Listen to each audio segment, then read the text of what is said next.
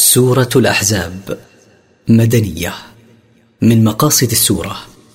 بيان عناية الله بنبيه صلى الله عليه وسلم وحماية جنابه وأهل بيته التفسير يا أيها النبي اتق الله ولا تطع الكافرين والمنافقين إن الله كان عليما حكيماً يا ايها النبي اثبت ومن معك على تقوى الله بامتثال اوامره واجتناب نواهيه وخفه وحده ولا تطع الكافرين والمنافقين فيما تهوى نفوسهم ان الله كان عليما بما يكيده الكفار والمنافقون حكيما في خلقه وتدبيره واتبع ما يوحى اليك من ربك إن الله كان بما تعملون خبيرا واتبع ما ينزله عليك ربك من الوحي إن الله كان بما تعملون خبيرا لا يفوته من ذلك شيء وسيجازيكم على أعمالكم وتوكل على الله وكفى بالله وكيلا واعتمد على الله وحده في أمورك كلها وكفى به سبحانه حافظا لمن توكل عليه من عباده ما جعل الله لرجل من قلبين في جوفه وما جعل ازواجكم اللائي تظاهرون منهن امهاتكم وما جعل ادعياءكم ابناءكم ذلكم قولكم بافواهكم والله يقول الحق وهو يهدي السبيل لم يجعل الله قلبين في صدر رجل واحد وكذلك لم يجعل الزوجات بمنزله الامهات في التحريم ولم يجعل كذلك الابناء بالتبني بمنزله الابناء من الصلب فان الظهار وهو تحريم الرجل زوجته عليه وكذلك التبني من العادات الجاهليه التي ابطلها الاسلام ذلك الظهار والتبني قول ترددونه بافواهكم ولا حقيقه له فليست الزوجه اما ولا الدعي ابنا لمن ادعاه والله سبحانه يقول الحق ليعمل به عباده وهو يرشد الى طريق الحق ادعوهم لابائهم هو اقسط عند الله فان لم تعلموا اباءهم فاخوانكم في الدين ومواليكم وليس عليكم جناح فيما اخطاتم به ولكن ما تعمدت قلوبكم وكان الله غفورا رحيما انسبوا من تزعمون انهم ابناؤكم الى ابائهم الحقيقيين فنسبتهم اليهم هو العدل عند الله فان لم تعلموا لهم اباء تنسبونهم اليهم فهم اخوانكم في الدين ومحرروكم من الرق فنادوا احدهم بيا اخي ويا ابن عمي ولا اثم عليكم اذا اخطا احدكم فنسب دعيا الى مدعيه ولكن تاثمون عند تعمد النطق بذلك وكان الله غفورا لمن تاب من عباده رحيما بهم حيث لم يؤاخذهم بالخطأ النبي اولى بالمؤمنين من انفسهم وازواجه امهاتهم واولو الارحام بعضهم اولى ببعض في كتاب الله من المؤمنين والمهاجرين الا ان تفعلوا الى اوليائكم معروفا كان ذلك في الكتاب مسطورا النبي محمد صلى الله عليه وسلم احق بالمؤمنين من انفسهم في كل ما دعاهم اليه ولو كانت انفسهم تميل الى غيره وزوجاته صلى الله عليه وسلم بمنزله امهات لجميع المؤمنين فيحرم على اي مؤمن ان يتزوج احداهن بعد موته صلى الله عليه وسلم وذو القرابه بعضهم احق ببعض في الارث في حكم الله من اهل الايمان والهجره في سبيل الله الذين كانوا يتوارثون فيما بينهم في صدر الاسلام ثم نسخ توارثهم بعد ذلك الا ان تفعلوا ايها المؤمنون الى اوليائكم من غير الورثه معروفا من اصاء لهم واحسان اليهم فلكم ذلك كان ذلك الحكم في اللوح المحفوظ مسطورا فيجب العمل به واذ اخذنا من النبيين ميثاقهم ومنك ومن نوح وابراهيم وموسى وعيسى ابن مريم واخذنا منهم ميثاقا غليظا واذكر ايها الرسول اذ اخذنا من الانبياء عهدا مؤكدا ان يعبدوا الله وحده ولا يشركوا به شيئا وان يبلغوا ما انزل اليهم من الوحي واخذناه على وجه الخصوص منك ومن نوح وابراهيم وموسى وعيسى بن مريم واخذنا منهم عهدا مؤكدا على الوفاء بما اؤتمنوا عليه من تبليغ رسالات الله ليسال الصادقين عن صدقهم واعد للكافرين عذابا اليما اخذ الله هذا العهد المؤكد من الانبياء ليسال الصادقين من الرسل عن صدقهم تبكيتا للكافرين واعد الله للكافرين به وبرسله يوم القيامه عذابا موجعا هو نار جهنم يا ايها الذين امنوا اذكروا نعمه الله عليكم اذ جاءتكم جنود فارسلنا عليهم ريحا فارسلنا عليهم ريحا وجنودا لم تروها وكان الله بما تعملون بصيراً يا ايها الذين امنوا بالله وعملوا بما شرع اذكروا نعمه الله عليكم حين جاءت المدينه جنود الكفار متحزبين على قتالكم وسندهم المنافقون واليهود فبعثنا عليهم ريحا هي ريح الصبا التي نصر بها النبي صلى الله عليه وسلم وبعثنا جنودا من الملائكه لم تروها فولى الكفار هاربين لا يقدرون على شيء وكان الله بما تعملون بصيرا لا يخفى عليه شيء من ذلك وسيجازيكم على اعمالكم اذ جاءوكم من فوقكم ومن اسفل منكم واذ زاغت الابصار وبلغت القلوب الحناجر واذ زاغت الابصار وبلغت القلوب الحناجر وتظنون بالله الظنونا وذلك حين جاءكم الكفار من اعلى الوادي ومن اسفله من جهتي المشرق والمغرب حينها مالت الابصار عن كل شيء الا عن نظر عدوها ووصلت القلوب الى الحناجر من شده الخوف وتظنون بالله الظنون المختلفه فتاره تظنون النصر وتاره تظنون الياس منه هنالك ابتلي المؤمنون وزلزلوا زلزالا شديدا في ذلك الموقف في غزوه الخندق اختبر المؤمنون بما لاقوه من تكالب اعدائهم عليهم واضطربوا اضطرابا شديدا من شده الخوف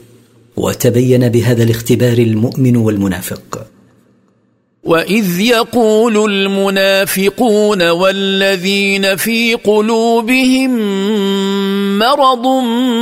ما وعدنا الله ورسوله الا غرورا يومئذ قال المنافقون وضعاف الايمان الذين في قلوبهم شك ما وعدنا الله ورسوله من النصر على عدونا والتمكين لنا في الارض الا باطلا لا اساس له واذ قالت طائفه منهم يا اهل يثرب لا مقام لكم فارجعوا ويستاذن فريق منهم النبي يقولون ان بيوتنا عوره وما هي بعوره إن يريدون إلا فرارا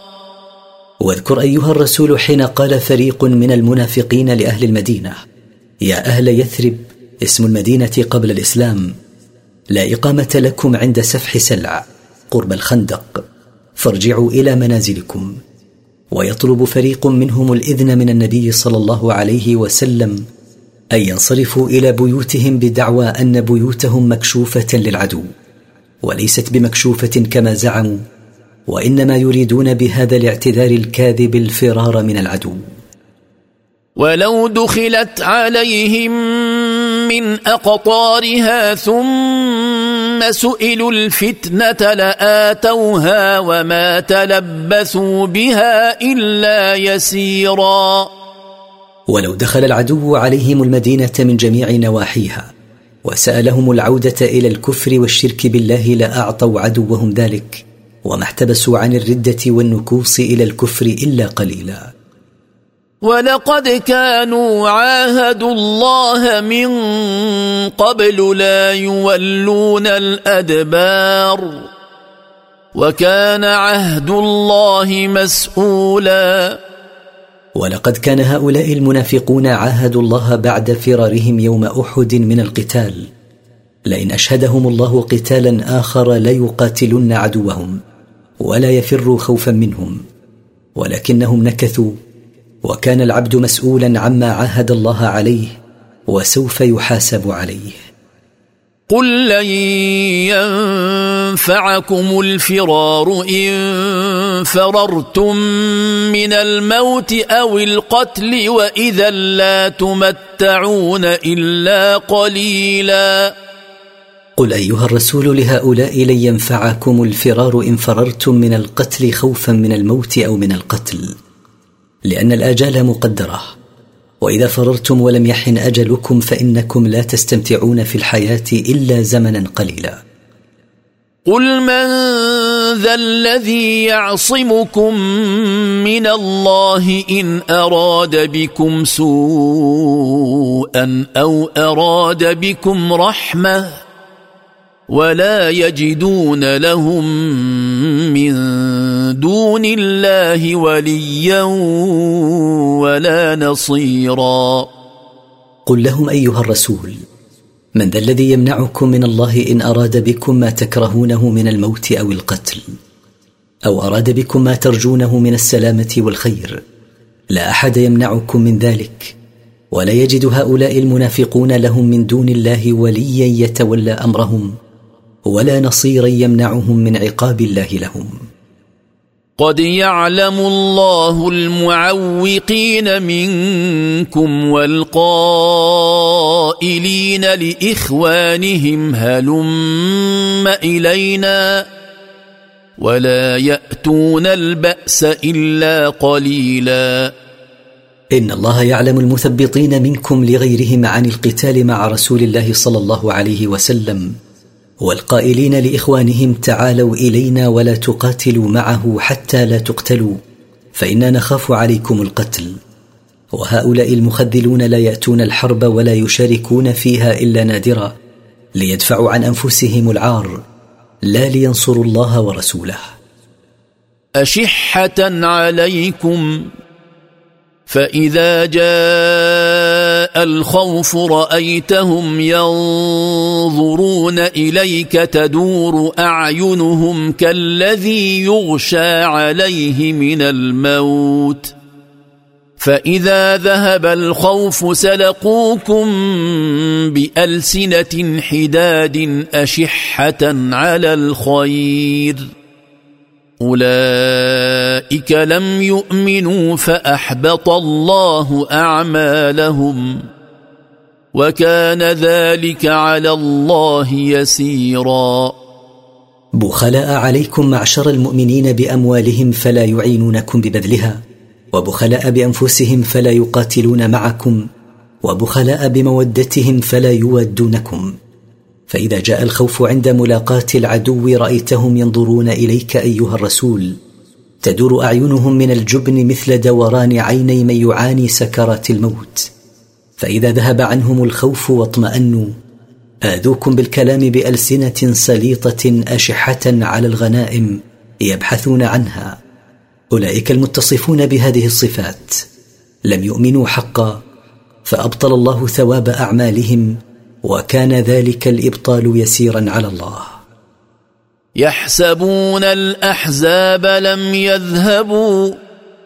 وان ياتي الاحزاب يودوا لو انهم بادون في الاعراب يسالون عن انبائكم ولو كانوا فيكم ما قاتلوا الا قليلا يظن هؤلاء الجبناء ان الاحزاب المتالبه لقتال رسول الله صلى الله عليه وسلم وقتال المؤمنين لن يذهبوا حتى يستاصلوا المؤمنين وان قدر ان جاء الاحزاب مره اخرى يود هؤلاء المنافقون انهم خارجون من المدينه مع الاعراب يسالون عن اخباركم ماذا حدث لكم بعد قتال عدوكم لكم ولو كانوا فيكم ايها المؤمنون ما قاتلوا معكم الا قليلا فلا تبالوا بهم ولا تاسوا عليهم لقد كان لكم في رسول الله اسوه حسنه لمن كان يرجو الله واليوم الاخر وذكر الله كثيرا لقد كان لكم فيما قاله رسول الله وقام به وفعله قدوه حسنه فقد حضر بنفسه الكريمه وباشر الحرب فكيف تبخلون بعد ذلك بانفسكم عن نفسه ولا يتاسى برسول الله صلى الله عليه وسلم الا من كان يرجو ثواب الله ورحمته ويرجو اليوم الاخر ويعمل له وذكر الله ذكرا كثيرا واما الذي لا يرجو اليوم الاخر ولا يذكر الله كثيرا فانه لا يتاسى برسوله صلى الله عليه وسلم ولما راى المؤمنون الاحزاب قالوا هذا ما وعدنا الله ورسوله وصدق الله ورسوله وما زادهم الا ايمانا وتسليما ولما عاين المؤمنون الاحزاب المجتمعه لقتالهم قالوا هذا ما وعدنا الله ورسوله من الابتلاء والمحن والنصر وصدق الله ورسوله في هذا فقد تحقق وما زادتهم معاينتهم للاحزاب الا ايمانا بالله وانقيادا له من المؤمنين رجال صدقوا ما عاهدوا الله عليه فمنهم من قضى نحبه ومنهم من ينتظر وما بدلوا تبديلا من المؤمنين رجال صدقوا الله فوفوا بما عاهدوه عليه من الثبات والصبر على الجهاد في سبيل الله فمنهم من مات او قتل في سبيل الله ومنهم من ينتظر الشهاده في سبيله وما غير هؤلاء المؤمنون ما عاهدوا الله عليه مثلما فعله المنافقون بعهودهم ليجزي الله الصادقين بصدقهم ويعذب المنافقين ان شاء او يتوب عليهم ان الله كان غفورا رحيما ليجزي الله الصادقين الذين وفوا بما عاهدوا الله عليه بصدقهم ووفائهم بعهودهم ويعذب المنافقين الناقضين لعهودهم ان شاء بان يميتهم قبل التوبه من كفرهم او يتوب عليهم بان يوفقهم للتوبه وكان الله غفورا لمن تاب من ذنوبه رحيما به ورد الله الذين كفروا بغيظهم لم ينالوا خيرا وكفى الله المؤمنين القتال وكان الله قويا عزيزا ورد الله قريشا وغطفان الذين معهم بكربهم وغمهم لفوتهم ما املوا لم يظفروا بما ارادوا من استئصال المؤمنين وكفى الله المؤمنين القتال معهم بما ارسله من الريح وانزله من الملائكه وكان الله قويا عزيزا لا يغالبه احد الا غلبه وخذله وانزل الذين ظاهروهم من اهل الكتاب من صياصيهم وقذف في قلوبهم الرعب وقذف في قلوبهم الرعب فريقا تقتلون وتاسرون فريقا وانزل الله الذين اعانوهم من اليهود من حصونهم التي كانوا يتحصنون فيها من عدوهم والقى الخوف في نفوسهم فريقا تقتلونهم ايها المؤمنون وفريقا تاسرونهم واورثكم ارضهم وديارهم واموالهم وارضا لم تطئوها وكان الله على كل شيء قديرا وملككم الله بعد هلاكهم ارضهم بما فيها من زروع ونخيل وملككم منازلهم واموالهم الاخرى وملككم ارض خيبر التي لم تطئوها بعد لكنكم ستطئونها وهذا وعد وبشرى للمؤمنين وكان الله على كل شيء قديرا لا يعجزه شيء يا ايها النبي قل لازواجك ان كنتن تردن الحياه الدنيا وزينتها فتعالين امتعكن فتعالين امتعكن واسرحكن سراحا جميلا يا أيها النبي قل لأزواجك حين طلبن منك التوسعة في النفقة ولم يكن عندك ما توسع به عليهن إن كنتن تردن الحياة الدنيا وما فيها من زينة فتعالين إلي أمتعكن بما تمتع به المطلقات وأطلقكن طلاقا لا إضرار فيه ولا إيذاء وإن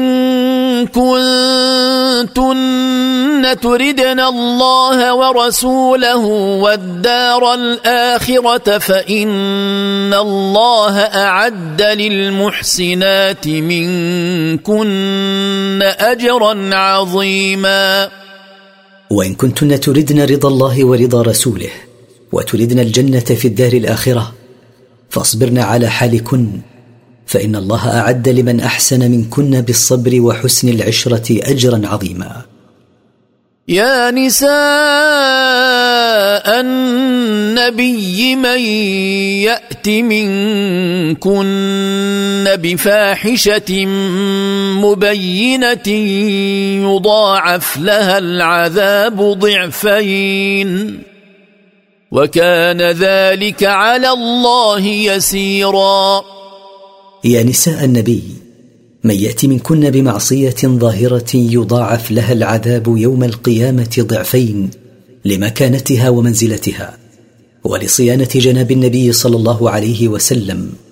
وكانت تلك المضاعفه على الله سهله ومن يقنت منكن لله ورسوله وتعمل صالحا نؤتها اجرها مرتين واعتدنا لها رزقا كريما ومن تدم على طاعه الله ورسوله منكن وتعمل عملا صالحا مرضيا عند الله نعطيها من الثواب ضعف غيرها من سائر النساء واعددنا لها في الاخره اجرا كريما وهو الجنه يا نساء النبي لستن كأحد من النساء إن اتقيتن فلا تخضعن بالقول فيطمع الذي في قلبه مرض وقلن قولا معروفا يا نساء النبي محمد صلى الله عليه وسلم لستن في الفضل والشرف مثل سائر النساء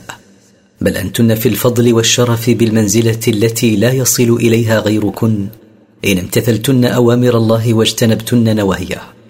فلا تلين القول وترققن الصوت اذا تكلمتن مع الاجانب من الرجال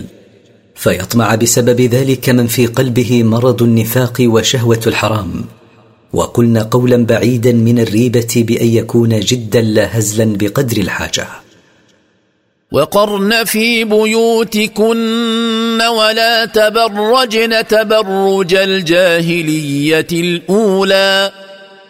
واقمنا الصلاه واتينا الزكاه واطعنا الله ورسوله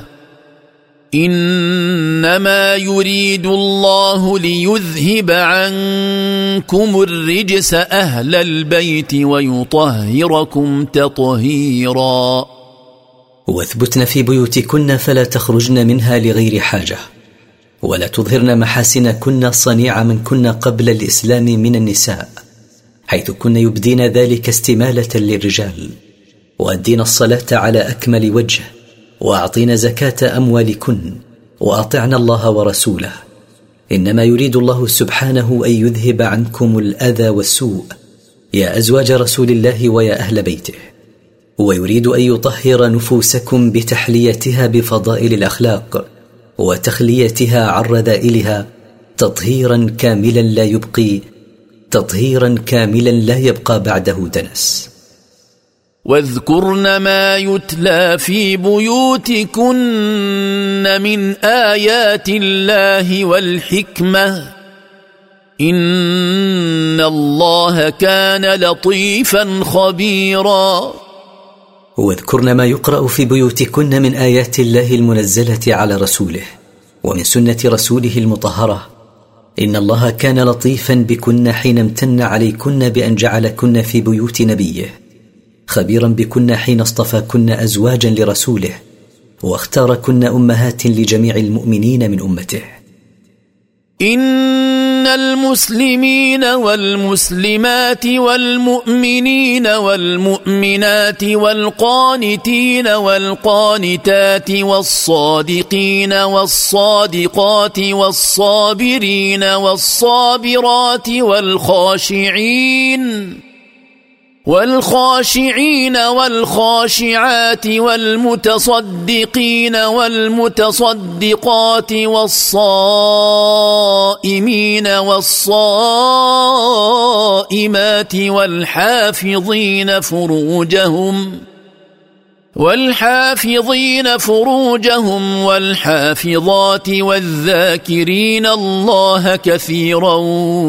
والذاكرات اعد الله لهم مغفره واجرا عظيما ان المتذللين لله بالطاعه والمتذللات والمصدقين بالله والمصدقات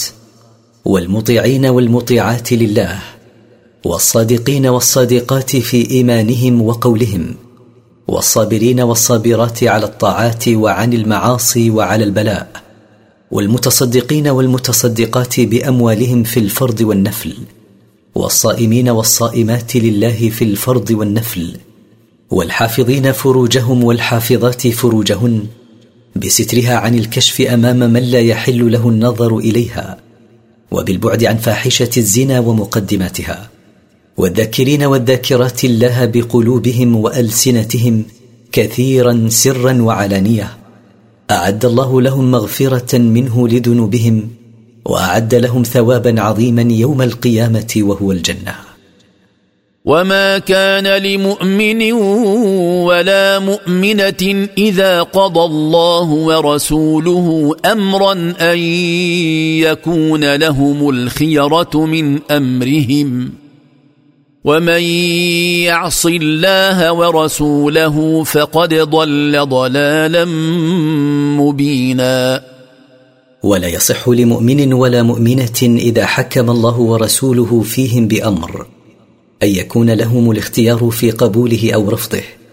ومن يعص الله ورسوله فقد ضل عن الصراط المستقيم ضلالا واضحا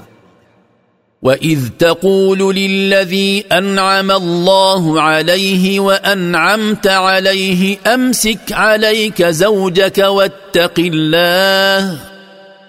واتق الله وتخفي في نفسك ما الله مبديه وتخشى الناس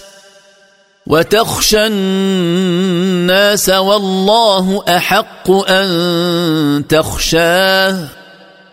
فلما قضى زيد منها وطرا زوجناكها لكي لا يكون على المؤمنين حرج لكي لا يكون على المؤمنين حرج في ازواج ادعيائهم اذا قضوا منهن وطرًا وكان امر الله مفعولا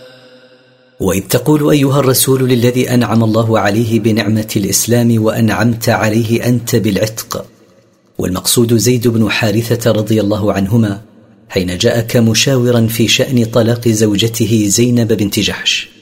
تقول له امسك عليك زوجتك ولا تطلقها واتق الله بامتثال اوامره واجتناب نواهيه وتكتم في نفسك ايها الرسول ما اوحى الله به لك من زواجك بزينب خشيه من الناس والله سيظهر طلاق زيد لها ثم زواجك منها والله اولى ان تخشاه في هذا الامر فلما طابت نفس زيد ورغب عنها وطلقها زوجناكها لكي لا يكون على المؤمنين اثم في التزوج بزوجات ابنائهم بالتبني اذا طلقوهن وانقضت عدتهن وكان امر الله مفعولا لا مانع له ولا حائل دونه ما كان على النبي من حرج فيما فرض الله له سنه الله في الذين خلوا من قبل وكان امر الله قدرا مقدورا ما كان على النبي محمد صلى الله عليه وسلم من اثم او تضييق فيما احل الله من نكاح زوجه ابنه بالتبني وهو في ذلك يتبع سنه الانبياء من قبله فليس هو صلى الله عليه وسلم بدعا من الرسل في ذلك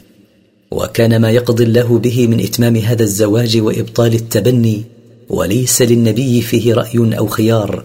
قضاء نافذا لا مرد له الذين يبلغون رسالات الله ويخشونه ولا يخشون احدا الا الله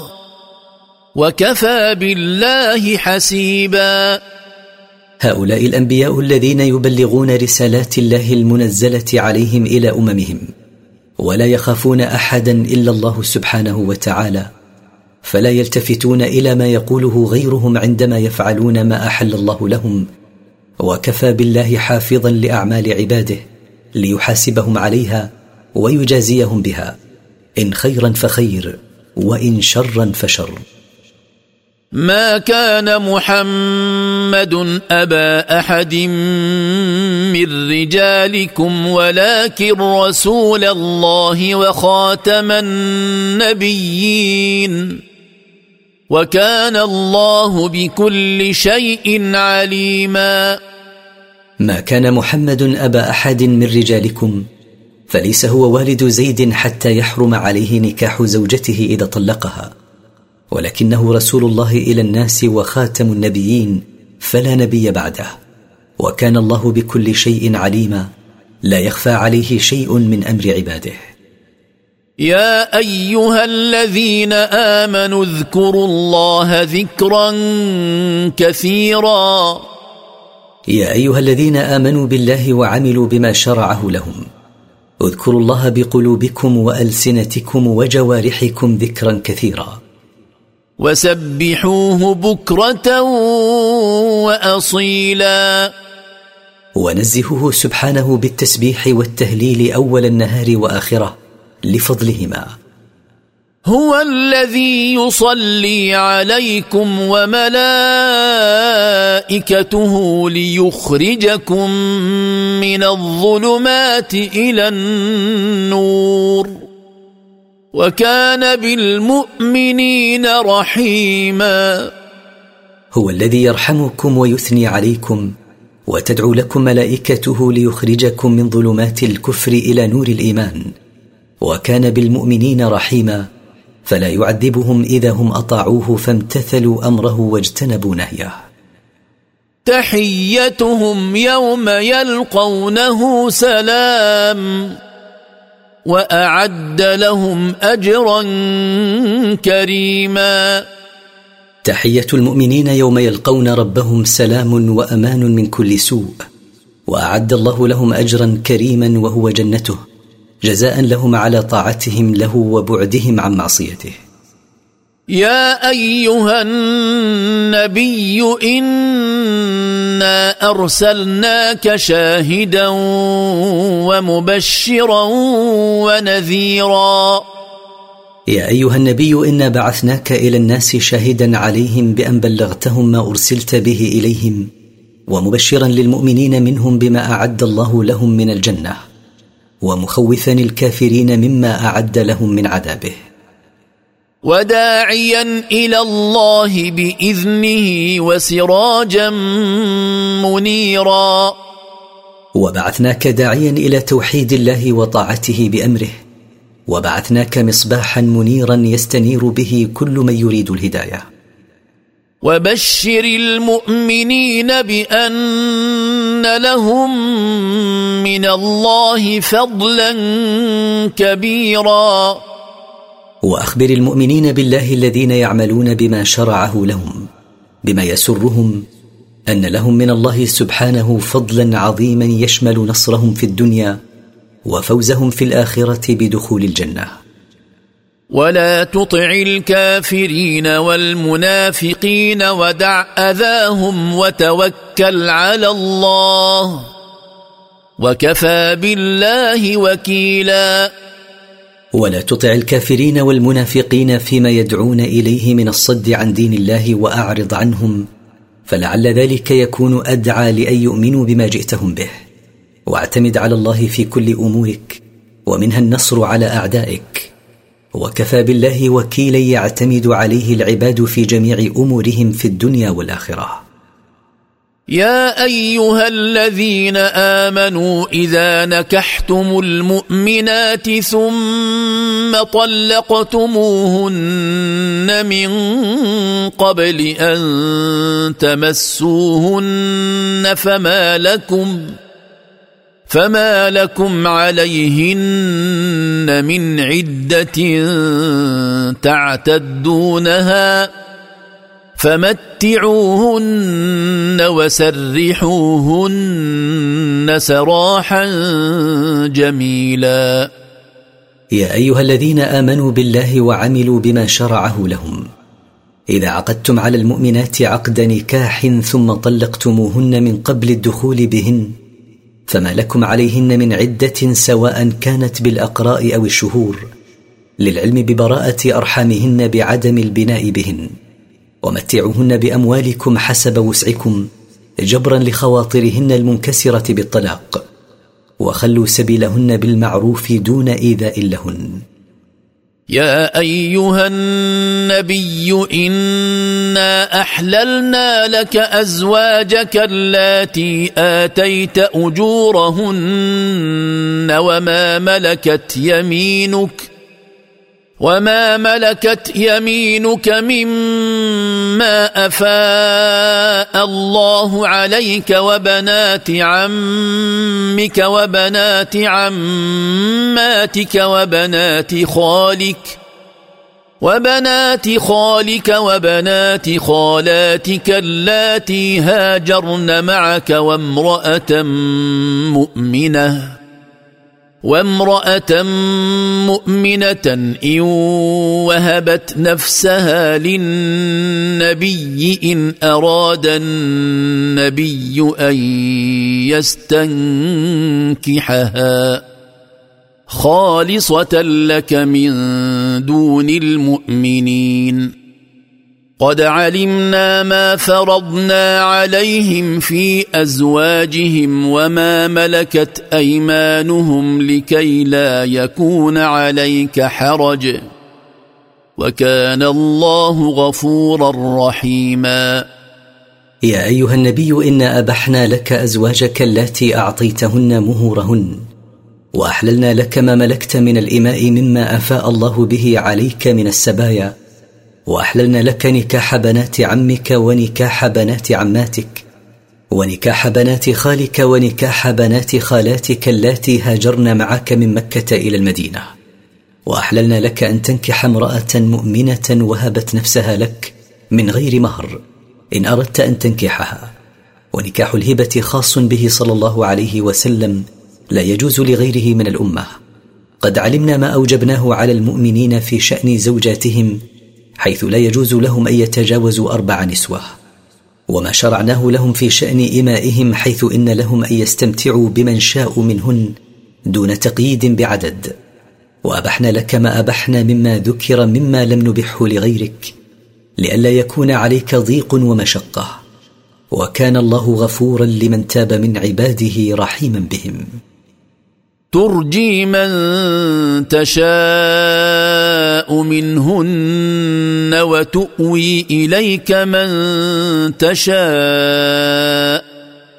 ومن ابتغيت ممن عزلت فلا جناح عليك ذلك ادنى ان تقر اعينهن ولا يحزن ويرضين بما اتيتهن كلهن والله يعلم ما في قلوبكم وكان الله عليما حليما تؤخر ايها الرسول من تشاء تاخير قسمه من نسائك فلا تبيت معها وتضم اليك من تشاء منهن فتبيت معها ومن طلبت ان تضمها ممن اخرتهن فلا اثم عليك في ذلك ذلك التخيير والتوسيع لك اقرب ان تقر به اعين نسائك وان يرضين بما اعطيتهن جميعهن لعلمهن انك لم تترك واجبا ولم تبخل بحق والله يعلم ما في قلوبكم ايها الرجال من الميل الى بعض النساء دون بعض وكان الله عليما باعمال عباده لا يخفى عليه منها شيء حليما لا يعاجلهم بالعقوبه لعلهم يتوبون اليه لا يحل لك النساء من بعد ولا ان تبدل بهن من ازواج ولو اعجبك حسنهن ولو اعجبك حسنهن الا ما ملكت يمينك وكان الله على كل شيء رقيبا لا يجوز لك ايها الرسول ان تتزوج بنساء غير زوجاتك اللاتي هن في عصمتك ولا يحل لك ان تطلقهن او تطلق بعضهن لتاخذ غيرهن من النساء ولو اعجبك حسن من تريد ان تتزوج بها من النساء غيرهن لكن يجوز لك ان تتسرى بما ملكت يمينك من الاماء دون حصر في عدد محدد وكان الله على كل شيء حفيظا وهذا الحكم يدل على فضل امهات المؤمنين فقد منع طلاقهن والزواج عليهن يا ايها الذين امنوا لا تدخلوا بيوت النبي الا ان يؤذن لكم الى طعام غير ناظرين اله ولكن اذا دعيتم فادخلوا ولكن اذا دعيتم فادخلوا فاذا طعمتم فانتشروا ولا مستانسين لحديث ان ذلكم كان يؤذي النبي فيستحيي منكم والله لا يستحيي من الحق واذا سالتموهن متاعا فاسالوهن من وراء حجاب ذلكم اطهر لقلوبكم وقلوبهن وما كان لكم ان تؤذوا رسول الله ولا أن تنكحوا أزواجه من بعده أبدا إن ذلكم كان عند الله عظيما يا أيها الذين آمنوا بالله وعملوا بما شرع لهم لا تدخلوا بيوت النبي الا بعد ان يؤذن لكم بدخولها بدعوتكم الى طعام ولا تطيلوا الجلوس تنتظرون نضج الطعام ولكن اذا دعيتم الى طعام فادخلوا فاذا اكلتم فانصرفوا ولا تمكثوا بعده يستانس بعضكم بحديث بعض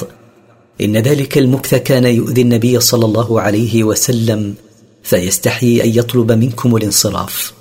والله لا يستحيي ان يامر بالحق فامركم بالانصراف عنه حتى لا تؤذوه صلى الله عليه وسلم بالمكث واذا طلبت من زوجات النبي صلى الله عليه وسلم حاجه مثل انيه ونحوها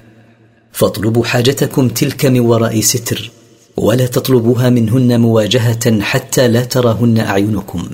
صونا لهن لمكانه رسول الله صلى الله عليه وسلم ذلكم الطلب من وراء ستر اطهر لقلوبكم واطهر لقلوبهن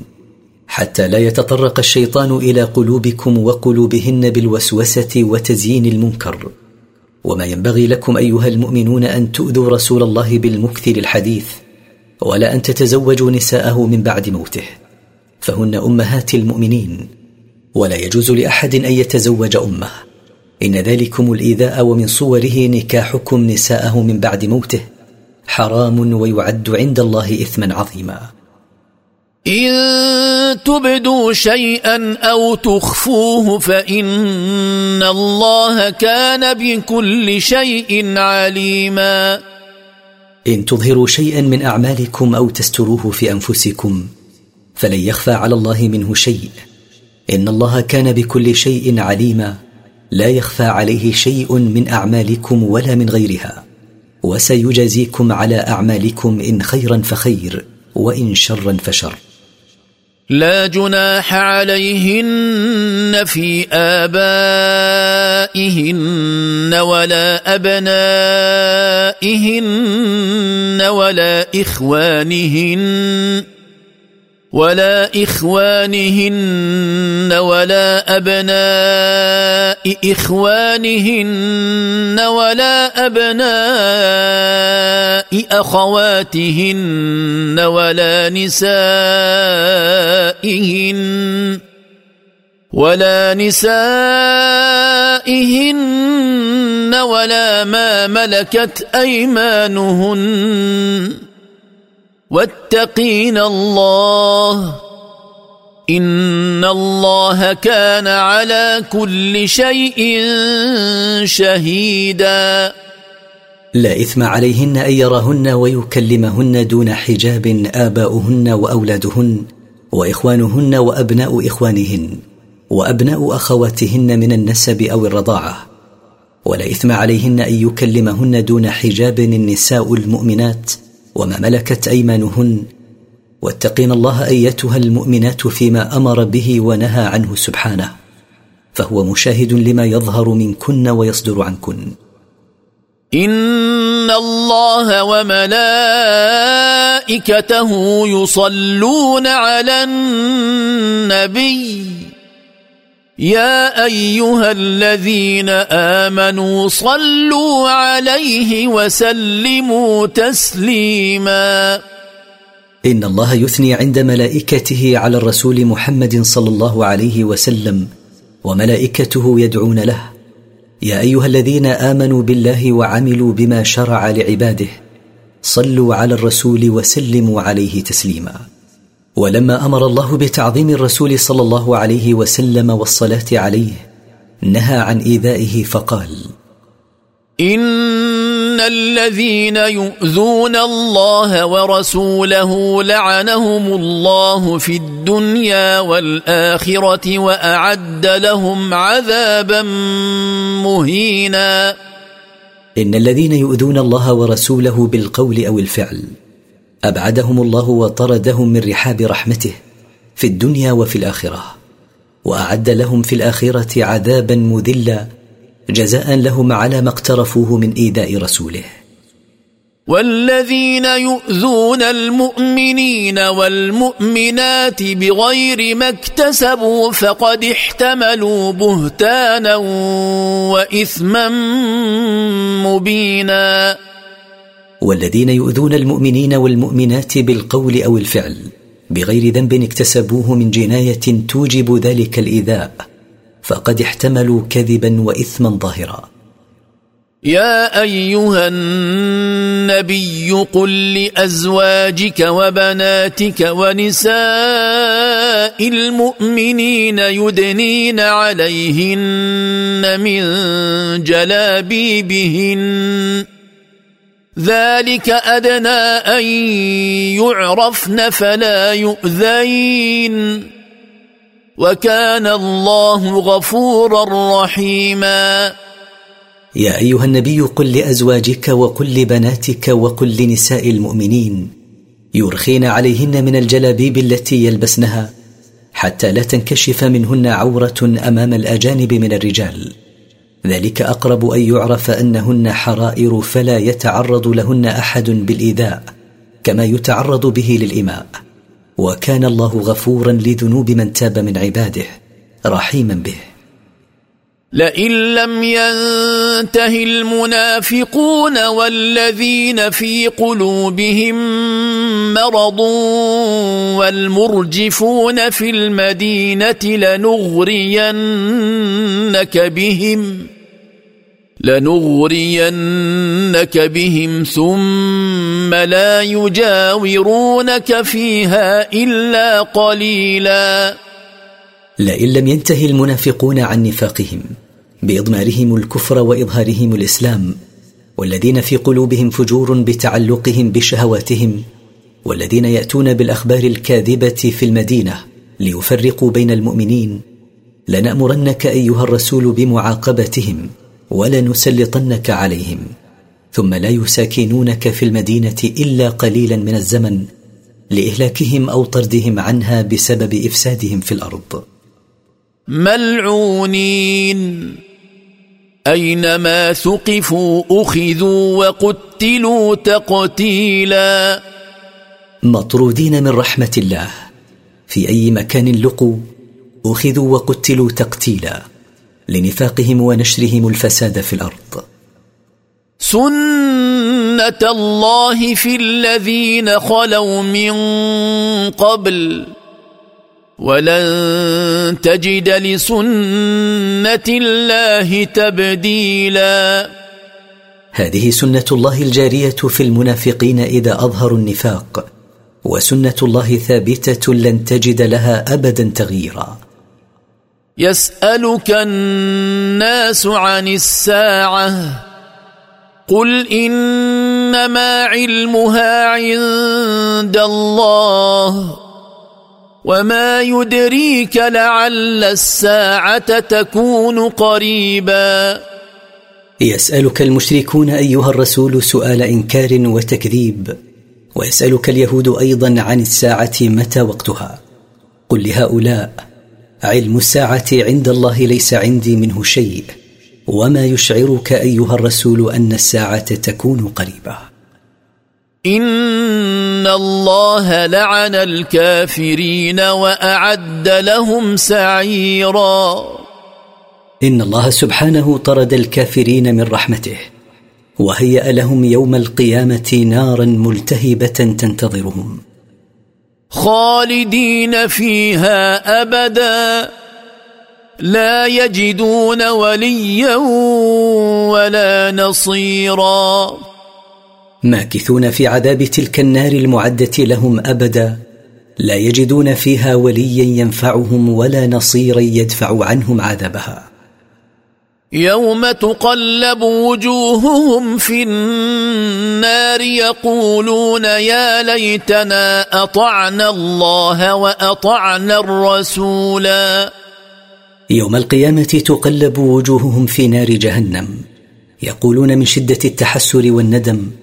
يا ليتنا في حياتنا الدنيا كنا اطعنا الله بامتثال ما امرنا به واجتناب ما نهانا عنه واطعنا الرسول فيما جاء به من ربه وقالوا ربنا انا اطعنا سادتنا وكبراءنا فاضلونا السبيلا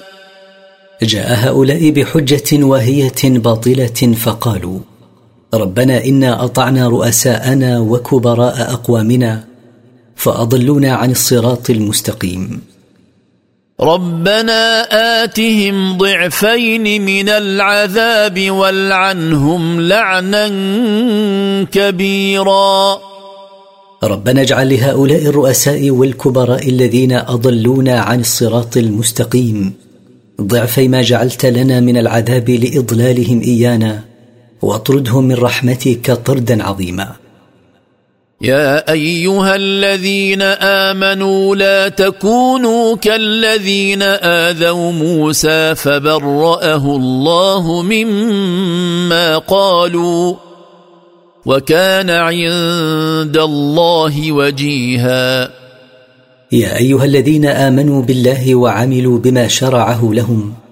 لا تؤذوا رسولكم فتكونوا مثل الذين آذوا موسى كعيبهم له في جسده